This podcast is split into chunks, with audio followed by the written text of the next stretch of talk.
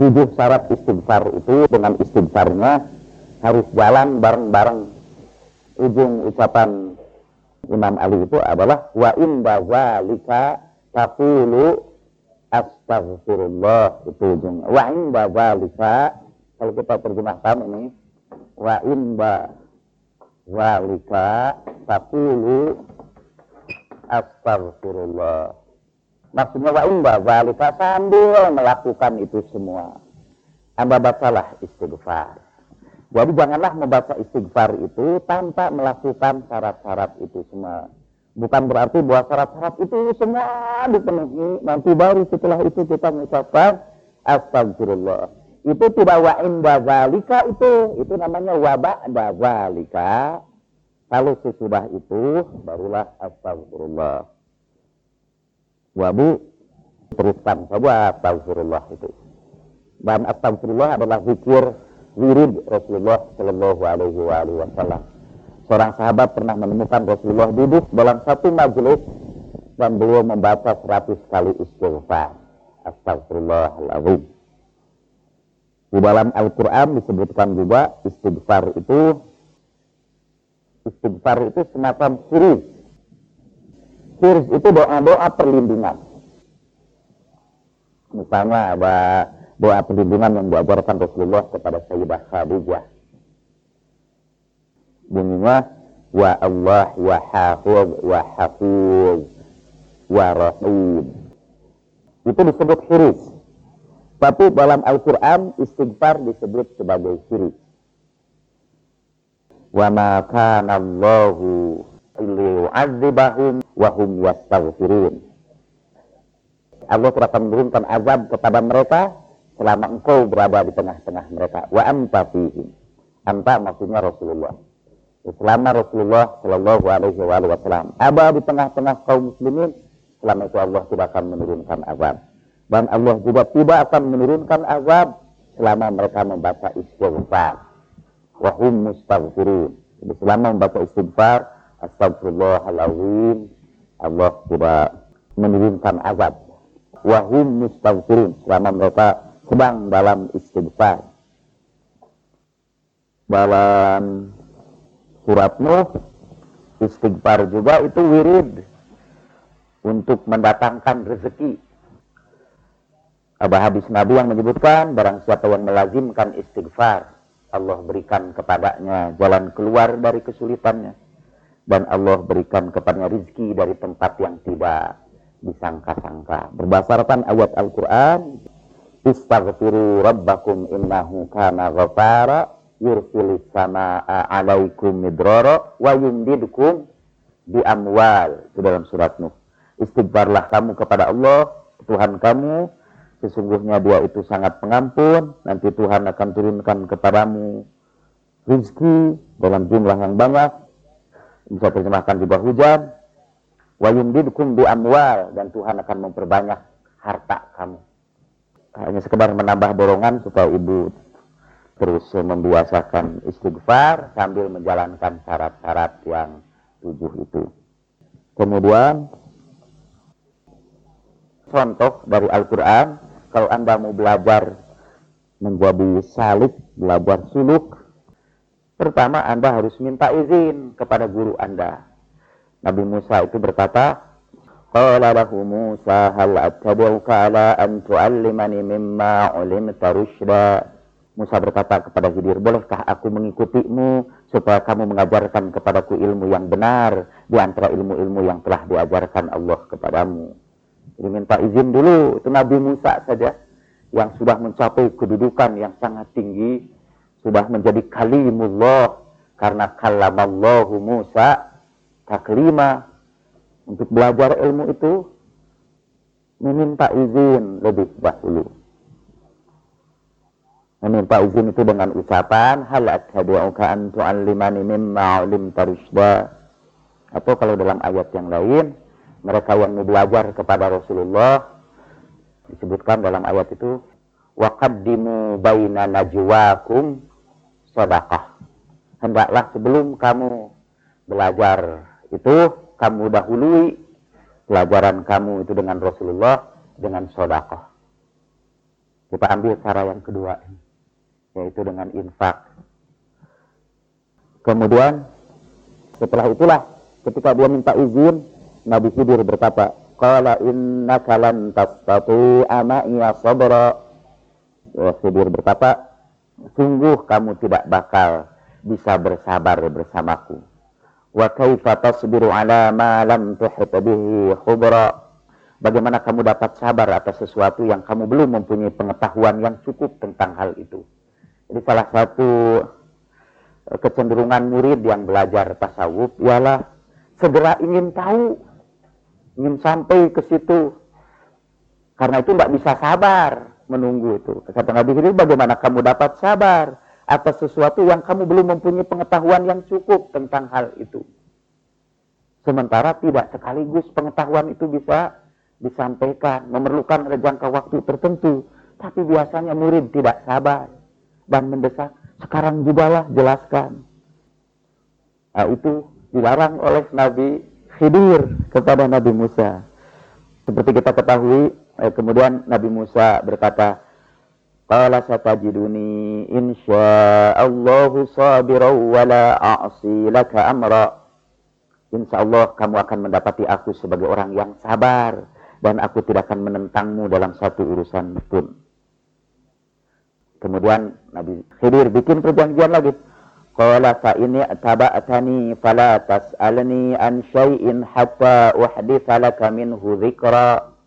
Jika kamu mengikutiku, maka janganlah kamu menanyakan kepadaku tentang sesuatu apapun sampai aku sendiri menerangkannya kepadamu. فانطلقا حتى إذا ركبا في السفينة خرقها قال أخرقتها لتغرق أهلها لقد جئت شيئا إمرا maka berjalanlah keduanya hingga tatkala keduanya menaiki perahu lalu Khidir melubanginya Musa berkata mengapa kamu lubangi perahu itu Yang akibatnya kamu menenggelamkan penumpangnya sungguh kamu telah berbuat satu kesalahan yang besar Nabi Khidir berkata Qala alam akul innaka lan tastati'a ma'iya sabra. Bukankah aku telah berkata sesungguhnya kamu sekali-kali tidak akan sabar bersama denganku. Musa berkata, Qala la tu'akhidni bima nasitu wa la turhiqni min amri usra. Janganlah kamu menghukum aku karena kelupaanku dan janganlah kamu membebani aku dengan kesulitan dalam urusanku. فانطلقا حتى إذا لقي غلاما فقتله قال أقتلت نفسا زكية قال أقتلت نفسا زكية بغير نفس لقد جئت شيئا نكرا Kemudian berjalanlah keduanya hingga tatkala keduanya berjumpa dengan seorang anak, maka Khidir membunuhnya. Musa berkata, mengapa kamu bunuh jiwa yang bersih? Bukan karena dia membunuh orang lain, sesungguhnya kamu telah melakukan sesuatu yang mungkar. Qala alam aqul laka innaka lan tastati'a ma'iya sabra. Hidir berkata, bukanlah sudah kukatakan padamu bahwa sesungguhnya kamu tidak akan dapat sabar bersamaku. Qala in sa'altuka an syai'in ba'daha fala tusahibni qad balagta min ladunni uzra. Musa berkata, jika aku bertanya kepadamu tentang satu masalah sekali lagi, maka janganlah kamu memperbolehkan aku menyertaimu. Sungguhnya kamu sudah cukup memberikan uzur kepadaku. Fantolaqa hatta idza atawa ahla qaryatin istat'ama ahla fa'abau ayyudayyifuhuma fawajada fiha jidaran yuridu an yanqadda fa'aqamah. Qala law syi'ta latakhadhta alaihi ajra. Maka keduanya berjalan hingga tatkala keduanya sampai kepada penduduk satu negeri mereka minta dijamu kepada penduduk negeri itu, tapi penduduk negeri itu tidak mau menjamu mereka. Kemudian keduanya mendapatkan dalam negeri itu dinding rumah yang hampir roboh, maka Khidir menegakkan dinding itu. Musa berkata, jikalau kamu mau, niscaya kamu mengambil upah untuk itu. Qala hadha firaqum baini wa bainak saunabbi'uka bita'wili ma lam tastati alaihi sabra. Sekarang sampai yang terakhir ini yang ketiga, maknya hilang. Sebelumnya kan innaka lan tastati'a ma'iya sabra. Sekarang disebutkan hadza firaqu baini wa bainik. Inilah perpisahan antara aku dengan kamu. Sa'unabbi'uka bi ta'wili ma lam tastati' alaihi sabra. Ada idgom mutajannisin. Malam tastati alaihi sabra. Itu ain ketemu dengan ain lagi. Ma'aknya hilang. Inilah perpisahan antara aku dengan kamu. Aku akan memberitahukan kepadamu tujuan perbuatan yang kamu tidak dapat sabar terhadapnya. Kemudian dijelaskanlah oleh Nabi Khidir satu demi satu. Dan setelah dijelaskan seluruhnya, di ujung ayat ini, dari rangkaian ayat berkenaan dengan Nabi Musa dan Nabi Khidir alaihi wassalam, Tuhan menutupnya dengan Zalika ta'wilu malam tasti alaihi sobro. Sekarang taknya juga menjadi hilang.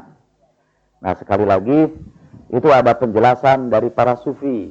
Mengapa hilang ma'i kemudian akhirnya taknya hilang. Saya tidak bisa jelaskan di sini bukan karena belum sampai ke situ, tapi karena saya juga belum sampai ke situ. Jadi dimohon sabar saja. Apakah kita bisa mengetahui atau menghitung neraca anak kita sehingga dari waktu yang uh, masih kita ini kita bisa menutupi amal-amal buruk kita dengan amal-amal yang baik. Artinya dengan mengetahui neraca kita apakah ada defisit ataupun uh, kurang dan sebagainya, kita bisa menambah amal-amal itu sehingga minimal bisa infak gitu, atau kalau itu tidak drastis. Gitu. Terima kasih. Tajassumul a'mal perwujudan amal kita menjadi makhluk-makhluk itu disebutkan dalam banyak hadis. Dasar utamanya adalah ayat Al-Quran. فَمَنْ يَعْمَلْ مِثْقَالَ ذَرَّةٍ خَيْرًا Barang siapa yang melakukan kebaikan walaupun sebesar debu, dia akan melihat dia. Yarohu itu. Yarohu itu. Yaro, dia melihat hu, dia. Dia akan melihat dia. Di dalam terjemah Departemen Agama, di situ disebutkan melihat kurung pahalanya. Tidak mau dia sebut melihatnya. Karena tampaknya penerjemah itu belum sampai kepada tajak sumul akmal. Tapi sebenarnya kita tidak boleh bersuudon di bulan puasa. Tapi mungkin kita husnudon saja, khawatir masyarakat yang membaca terjemahan itu salah paham tentang itu. Dan itu Allah tegaskan. Sama ya'mal misqala dzarratin khairan yarah wa man ya'mal misqala dzarratin syarran yarahu. Dia akan melihatnya. Dalam tafsir-tafsir sufi emang disebut bahwa hu di situ adalah amal kita yang sudah mengambil bentuk, kita akan lihat itu. Dan itu kita melihat segera setelah nyawa kita diambil Allah Subhanahu wa taala, kita akan dijemput oleh amal-amal kita. Yang buruk dan yang baik. Dalam sebuah hadis, Anda bisa baca hadis itu dalam tafsir Mizan atau Batobai. Sekarang saya akan berusaha menyebutkan seluruh sumber hadis itu. Karena ini bulan puasa. Di luar bulan itu saya biasanya tidak hati-hati. Karena khawatir nanti hadis yang saya sampaikan itu tidak sahih. Dan itu batal puasa saya mau nambah pahala di bulan Ramadan ini dengan ngajar. Batal nanti. Nah, di, di situ disebutkan bahwa ketika ruh itu baru saja meninggalkan tubuhnya, diadakanlah semacam upacara perpisahan. A farewell ceremony. Pertama, diadakan upacara perpisahan dengan seluruh kekayaan yang pernah dimilikinya seperti kita ketahui, semua yang ada di alam semesta ini punya bandingannya juga. Kalau istilah orang Jawanya, kembarannya. Punya kembarannya di alam malakut. Tubuh kita kembarannya adalah ruh kita. Maka benda-benda yang ada di alam semesta itu punya kembarannya juga di alam malakut. Surat Yasin mengatakan, Tabarakalladzi biyadihi malakutu kulli syai'in wa wa'ala kulli syai'in qadir. Maha mulialah Allah yang dalam tangannya ada malakut segala sesuatu. Kulli syai'. Jadi kulli syai' itu punya malakutnya. Dan Allah berkuasa atas segala sesuatu. Jadi tentu saja perpisahan itu dilakukan oleh ruh di alam malakut dengan kekayaan yang menjadi kembarannya di alam malakut. Mayat itu akan berkata, apa yang akan kau titipkan pada perpisahan yang terakhir ini Dahulu aku mengumpulkan kamu dengan tidak peduli halal dan haram. Aku habiskan usiaku hanya untuk mengumpulkan kamu sehingga tidak sempat beribadat kepada Tuhan. Apa yang akan kamu berikan kepadaku dalam perjalanan ini? Kemudian kata hartanya berkata serentak, Khud'anni kafanak.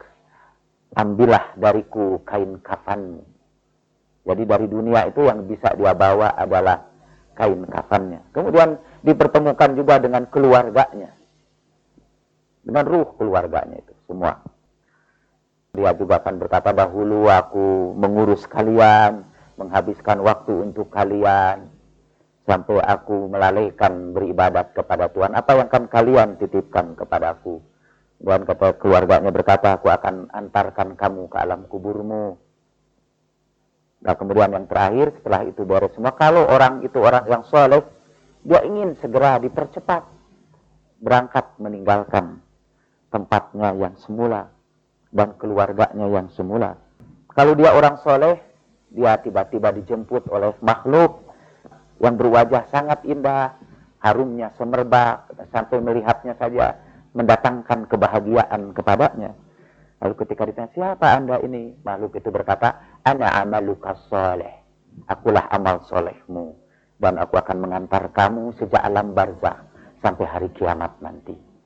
Kalau dia ini orang yang ahli maksiat, akan dijemput oleh makhluk-makhluk yang menakutkan. Ketika ditanya, siapa anda? Ana amaluka soleh. Akulah amal burukmu. Dan aku akan menyertai kamu dari alam barzah ini sampai berjumpa dengan Allah nanti. Jadi kita semua akan dijemput oleh amal-amal kita yang sudah berbentuk itu. Tapi semua kita tampaknya dijemput oleh dua macam makhluk itu sekaligus. Makhluk yang buruk dan makhluk yang baik. Dua-duanya menjemput kita. فَمَنْ يَعْمَلْ مِثْقَالَ ذَرَّةٍ خَيْرًا يَرَى وَمَنْ يَعْمَلْ مِثْقَالَ ذَرَّةٍ شَرًّا يَرَى Jadi yang khair dan yang syar itu dua-duanya menjemput kita. Tinggal sekarang kita menghitung-hitung makhluk mana yang paling banyak dan makhluk mana yang paling kuat. Karena kemudian kedua makhluk itu akan bertarung di hadapan kita, memperebutkan kedudukannya di sisi kita. Mungkin dalam pengalaman hidup kita, pengalaman mati kita juga ya nanti di situ dimulai orang berebutan ingin memperoleh kedudukan di dekat kita. Biasanya di dunia kita berebutan dengan orang lain untuk memperoleh kedudukan di dekat dia. Siapa saja dia itu. Mulai dari lurah Pabelan sampai kepada Pak Lurah yang paling tinggi. Pada dalam pertempuran seperti itu, kalau amal soleh kita sangat kuat, dia akan mengusir amal-amal buruk kita itu sehingga kita hanya disertai oleh amal soleh saja. Itu juga berdasarkan ayat Al-Quran, Innal hasanati yudhibnas sayyiat. Sesungguhnya amal-amal baik itu akan mengusir amal-amal yang jelek. Yudhib nabi itu artinya mengusir. Akan mengusir amal-amal yang buruk itu. Mungkin dalam terjemah kita itu disebut menghilangkan amal-amal buruk itu. Nabi Shallallahu Alaihi Wasallam juga bersabda, Anda bisa baca dalam tafsir-tafsir tentang ayat itu. Nabi bersabda, ikutilah keburukan dengan kebaikan. Nanti kebaikan itu akan menghapus keburukan itu. Fa'at bi'isayyi'atil hasanah tamhuha. Ikutilah keburukan itu dengan kebaikan, nanti kamu akan menghapuskannya. Kalau keburukan sekarang yang lebih perkasa, lebih banyak jumlahnya, selain lebih banyak, sebetulnya masalahnya bukan banyak atau kurangnya, tapi lebih kuat dan uh, lebih lemahnya. Gitu. Karena kalau boleh jadi makhluk yang buruknya itu satu, tapi kuatnya luar biasa. Itu semua kebaikan kita dibanting habis. Kalau keburukan yang kuat, itu akan usir seluruh kebaikan kita. Dan ada beberapa keburukan yang punya kekuatan untuk mengusir kebaikan dalam istilah Al-Quran itu mengusir kebaikan itu disebut ihbat, menghapuskan. Ada beberapa dosa yang memiliki kekuatan penghancur kebaikan. Sampai kita sendiri tidak merasa bahwa kebaikan kita dihancurkan itu. Misalnya berlaku tidak sopan terhadap Rasulullah Shallallahu Alaihi Wasallam, berlaku kurang ajarlah terhadap Nabi. Sampai misalnya mengeraskan suara di atas suara Nabi saja itu menghapuskan dosa-dosa. Ya ayyuhalladzina amanu la tarfa'u aswatakum fawqa sautin nabi wa la tajharu bil qawli ka ba'dikum bi ba'd an tahbata a'malukum wa antum la tash'urun. Itu surat Al-Hujurat.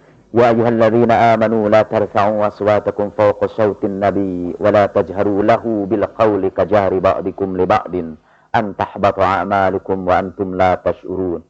Hei orang-orang yang beriman, janganlah kamu meninggikan suara kamu lebih dari suara Nabi.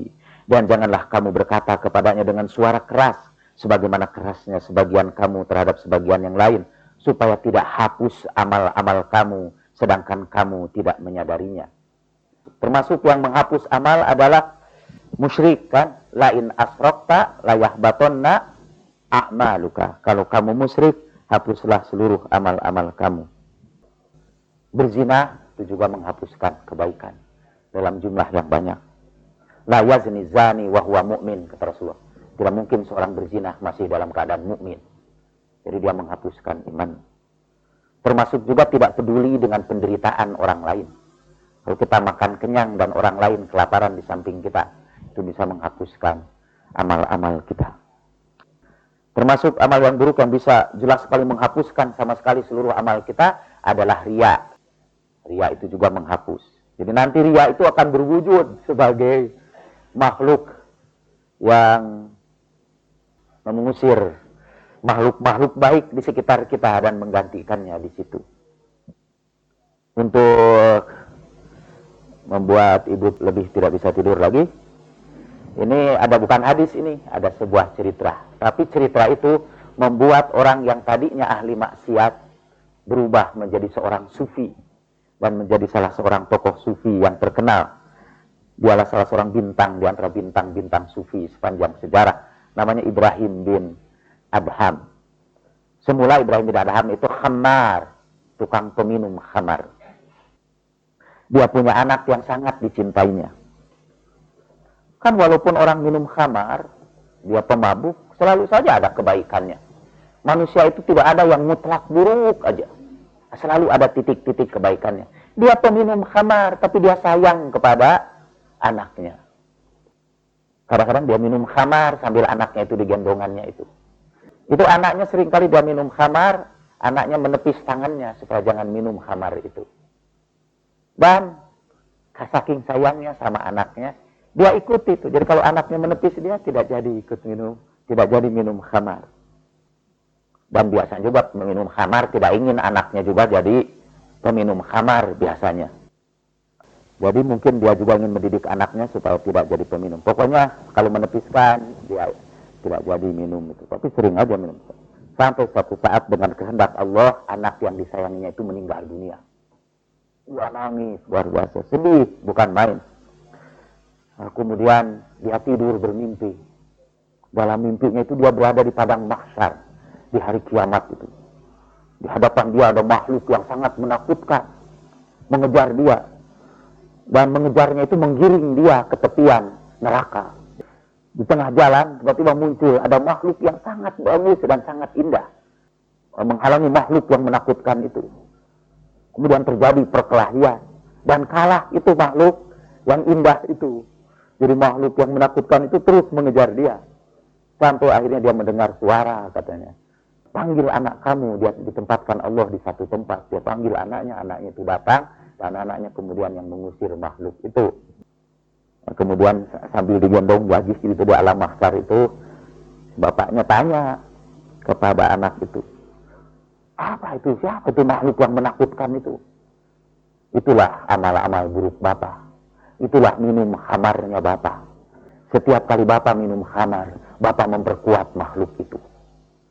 Dan yang bagus itu, itu amal soleh Bapak. Setiap kali Bapak melalaikan amal soleh Bapak, setiap itu Bapak melemahkan dia.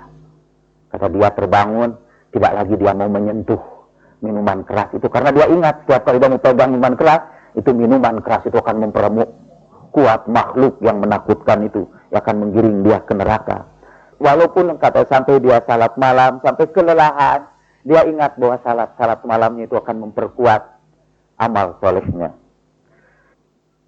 boleh jadi ini mengubah ibu menjadi sufi seperti itu ya seperti Ibrahim bin Adham atau e, bikin kita tidak tidur juga kalau kita hitung-hitung itu Bu, kalau kita bikin neraca, sudah dapat dipastikan bahwa amal kita tidak akan sanggup menolong kita. Sudah amal kita ini sedikit. Dia digerogoti lagi oleh amal-amal buruk kita. Sangat tidak mungkin kita bersandar kepada amal kita. Karena itu di, di antara doa sesudah salat.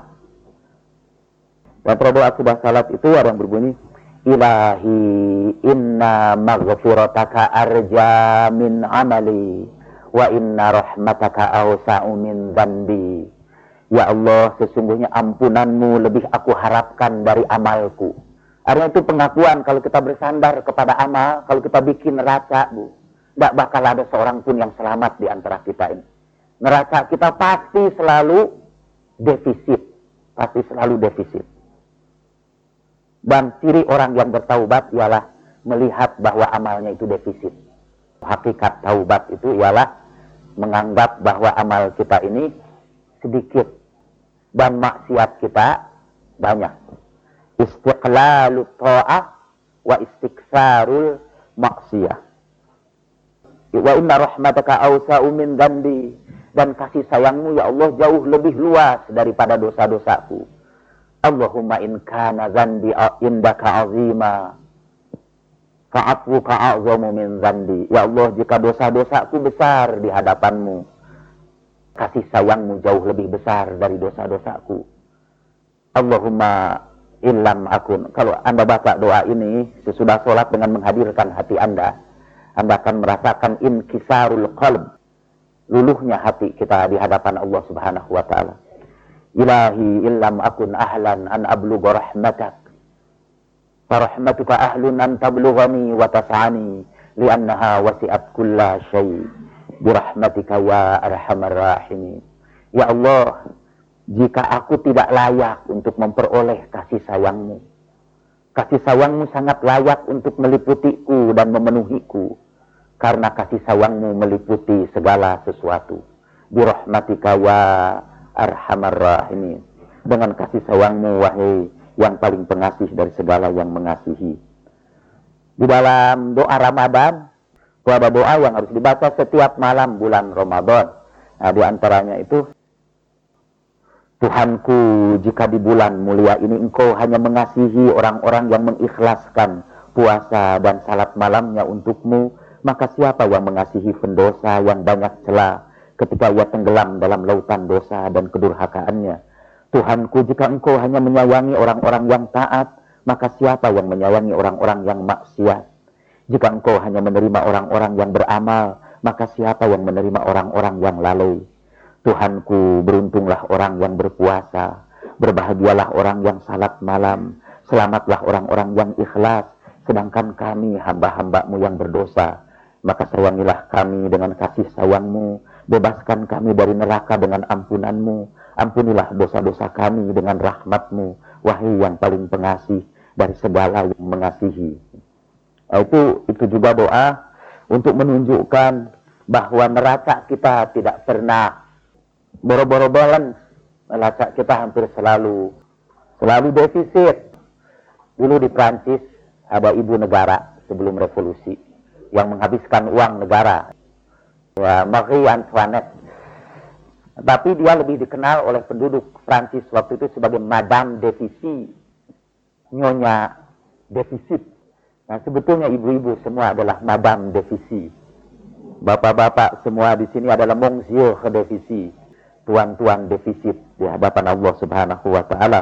Karena itu kita tidak bisa tidak harus memohonkan rahmat dan maghfirah Allah Subhanahu wa taala. Jangan bersandar kepada amal-amal kita. Apalagi kalau kita pikirkan ada sebuah hadis yang lebih mengerikan lagi. Nabi Shallallahu Alaihi Wasallam bersabda, ini hadis ini bisa anda baca dalam tafsir Al Muin. Di situ ada hadis-hadis tentang umur. Barang siapa yang usianya sudah lebih dari 40 tahun dan kebaikannya tidak lebih besar dari keburukannya. Jadi kebaikannya tidak lebih besar. Maksudnya kebaikannya boleh jadi sama dengan keburukannya atau kebaikannya lebih kurang, lebih kecil dan kebaikannya tidak lebih besar dari keburukannya. Setan akan mengecut dia di antara dalam dahinya di antara kedua matanya dan berkata, "Hadza rajulun muflis." Ini orang yang malang. Jadi ada ada orang berusia 40 tahun dan kebaikannya tidak lebih lebih dari 40 tahun. Dan kebaikannya tidak lebih banyak dari keburukannya dia menjadi kekasih setan. Di, di negeri Arab itu kalau orang mencium di sini nih, itu tanda kasih sayang. Hanya kepada orang-orang tertentu yang sangat disayangi dicium di sini. Di dalam Ihya Ulumuddin, dalam adab suami istri, hubungan suami istri, diceritakan bahwa Nabi biasa mengecup dulu di antara itu. Itu para kecupan kasih sayang. Sehingga dalam idiom Arab mengecup di antara kedua mata itu sebagai ungkapan kecintaan. Jadi kalau usianya sudah itu, itu sudah jadi kecintaan setan. Dalam hadis yang sama di situ disebutkan, kalau orang sudah melewati 40 tahun dan kebaikannya tidak lebih banyak dari keburukannya, maka siap-siapkanlah tempat duduknya di neraka. Tempat tinggalnya itu di neraka.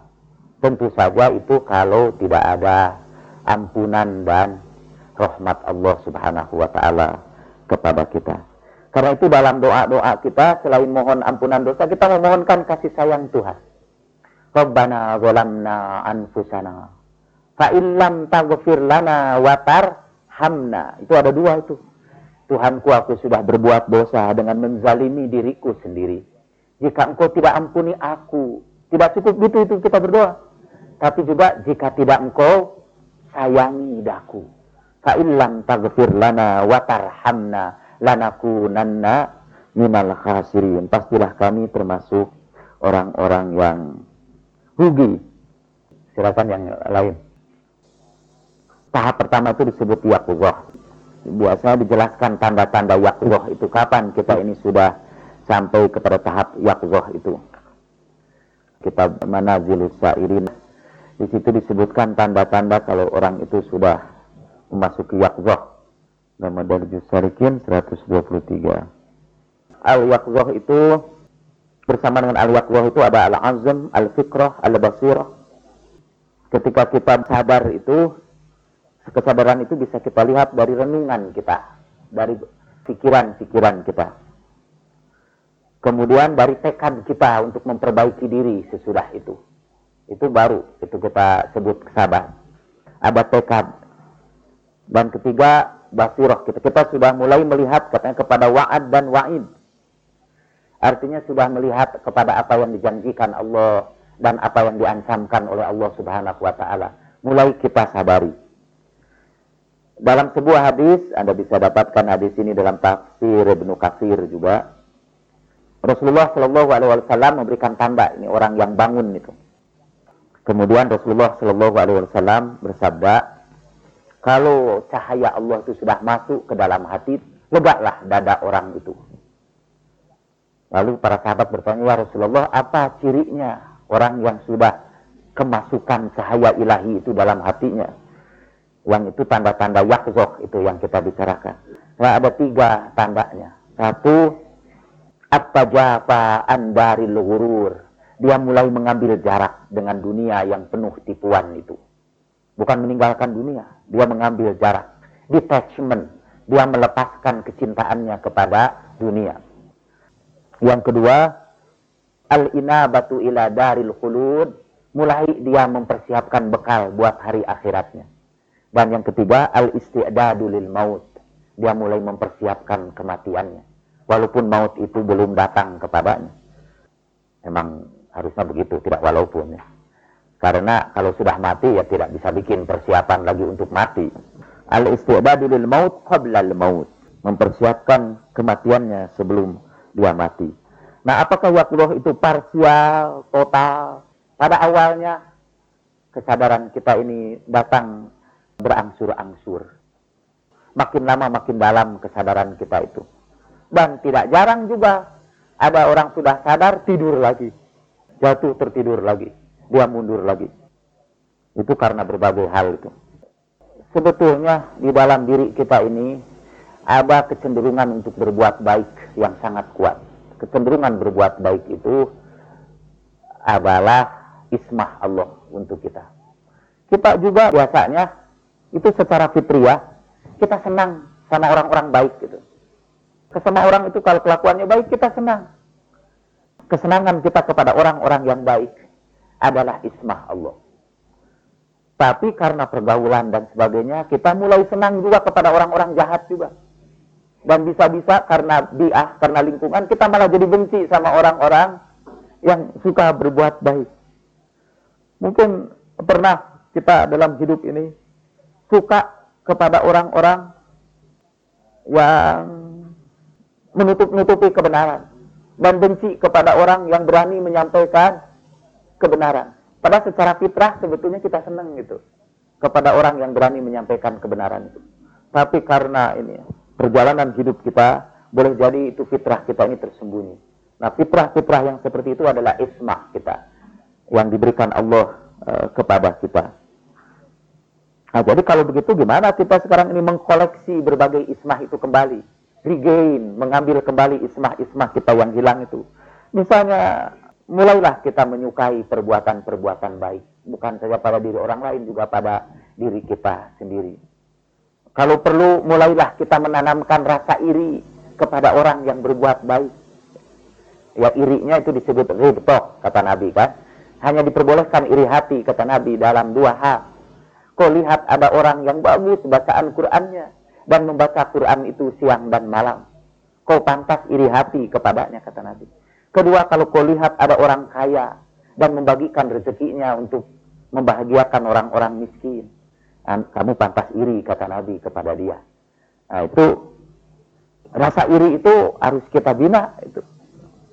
Binahkan itu rasa iri itu dari orang yang punya uh, mercy dan BMW kepada orang yang rajin baca Al-Quran tapi tidak lewat speaker. Dan orang yang membagikan rezekinya kepada orang miskin. Kita juga harus bergaul dengan orang-orang soleh. Karena pergaulan itu sangat menentukan kita. Pergaulan dengan orang soleh adalah ismah adalah perlindungan kita juga. Orang soleh tertentu malah kata menurut Nabi Shallallahu Alaihi Wasallam yang sampai kepada tingkat abdal di dalam perjalanannya mendekati Allah kedatangannya di satu tempat menolak bencana dari tempat itu. 70 bencana dari tempat itu kata gitu dalam hadis. Tadi juga baru baca dari jihadun nafs ini Ustaz Magohiri. Dibacakan di situ sebuah hadis tentang itu. Tapi kemudian disusul dengan kalau kita temukan dalam sebuah tempat. Ada banyak orang Islam yang sudah tidak menjalankan ajaran Islamnya. Dan ajaran Islam itu ismah. Kalau di suatu tempat kebanyakan orang Islam itu tidak menjalankan ajaran Islamnya, pastilah karena di tempat itu ada ulama-ulama yang tidak menjalankan apa yang mereka khutbahkan. Jadi yang tidak multazim. Dan kalau di satu tempat orang-orang yang soleh-soleh, kebanyakan soleh, pastilah di situ ada seorang ulama yang saleh, yang menjalankan kesalehan itu bukan dalam khutbahnya saja, juga di dalam uh, perilakunya. Karena itu juga Nabi Shallallahu Alaihi Wasallam bersabda, kalau kamu mau mengukur seorang mukmin, lihat-lihat tetangga di sekitarnya. Itu yang akan menentukan. Kalau seorang mukmin itu baik, itu tetangganya relatif lebih baik dibandingkan dengan seorang yang tidak uh, baik. Jadi dia menyebarkan berkah ke sekitarnya. Orang-orang sekitarnya menjadi taat juga, menjadi saleh-saleh juga karena kehadiran itu. Nah, kalau ini ada seorang alim, lalu kita lihat, oh di sekitarnya malah semua orang berbuat maksiat. Ya. Itu karena ada kemungkinan alimnya itu tidak menjalankan agama dengan baik. Itu ayat itu dalam surat Al-Baqarah ayat 115. Walillahil masyriq wal maghrib fa inama tuwallu fasamma wajh Allah kepunyaan Allah lah timur dan barat dan ke mana pun kamu menghadap di sana ada wajah Allah. Semua itu wajah Allah. Baik yang maksiat maupun yang berbuat saleh. Baik yang miskin maupun yang kaya baik yang menderita maupun yang bahagia. Semuanya adalah wajah Allah wajah Allah itu bukan hanya gemerlap eh, cahaya gemintang di malam hari bukan hanya cahaya matahari yang kekuning-kuningan menjelang dia tenggelam biasanya memukau para seniman ya. dan mereka anggap itu sebagai wajah-wajah Tuhan yang indah. Saya jadi ingat ada syair Goethe ya. Goethe itu penyair Jerman yang mengatakan tentang matahari yang mau tenggelam itu dia begitu terpesona dengan matahari yang mau tenggelam sehingga dia sebut itu sebagai piring emas. Dia berkata ni der gegangen is die Sonne doch im Western glance es immer. Sudah turun itu matahari di ufuk barat dan di barat sekarang dia Kemilo Wissen ich wohl wie lange dort noch der golden shimmer tapi aku ingin sekali tahu berapa lama matahari itu akan gemerlap di sebelah barat dan orang mengatakan itu sebagai ramalan Gute tentang turunnya peradaban barat sekarang peradaban barat sedang kemilau tapi Spengler kemudian dari sajak Kute itu membuat sebuah buku dengan judul Die Untergang des Abendlandes. Menurunnya atau waktu sorenya dari peradaban barat. Bentar lagi peradaban barat tenggelam. Itu biasanya kita pakai orang kaum fundamentalis memakai untuk menyerang peradaban barat. Gitu. Sambil mempraktekannya. Di dalam uh, peradaban mereka sendiri. Ah, jadi wajah-wajah Allah itu bukan hanya keindahan alam semesta ini apa sih yang ada di alam semesta ini? Malah keindahan alam semesta itu itu keindahan yang sensual. Jadi bahwa mata kita ternyata masih melihat hanya yang konkret-konkret saja. Kalau lebih tinggi lagi, misalnya di dalam cahaya matahari yang mau tenggelam, kita melihat sesuatu yang lebih abstrak lagi, yaitu tenggelamnya peradaban barat. Kalau kita berada di tepi pantai, lalu kita melihat gelombang-gelombang dan yang kita terpesona bukan saja dengan iring-iringan gelombang itu yang susul menyusul satu sama lain tapi tiba-tiba kita merasakan kebesaran Allah Subhanahu wa taala. Kita tidak lagi melihat pantai, sekarang kita sudah melihat kebesaran Allah Subhanahu wa taala. Kalau kita melihat orang-orang miskin yang tubuhnya kurus kering, kita tidak lihat kelopak matanya yang menjorok ke dalam yang kita lihat adalah kewajiban yang dibebankan Tuhan kepada kita untuk menolong mereka. Itu kan penglihatannya sudah makin abstrak. Terakhir dia hanya akan melihat Tuhan saja di semuanya itu. Tasamma wajah Allah. Tapi itu tahapan yang terakhir. Saya sendiri belum nyampe tahap itu. Boro-boro sampai itu. Yang saya lihat itu, saya sama seperti supir angkot. Kalau lihat manusia itu yang berjalan, yang dia lihat itu uang recehan. Yang dia lihat itu setiap kepala manusia itu berapa sekarang? 300 perak. Ya. Yang dia lihat 300 perak itu dalam kepala-kepala itu. Sama juga para pejabat kita juga lihat ini kepala-kepala orang yang sekian banyak. Yang dilihatnya itu proyek, ya, budget. Jadi yang melihat itu kita lihat materi saja, tidak melihat di balik uh, itu semua.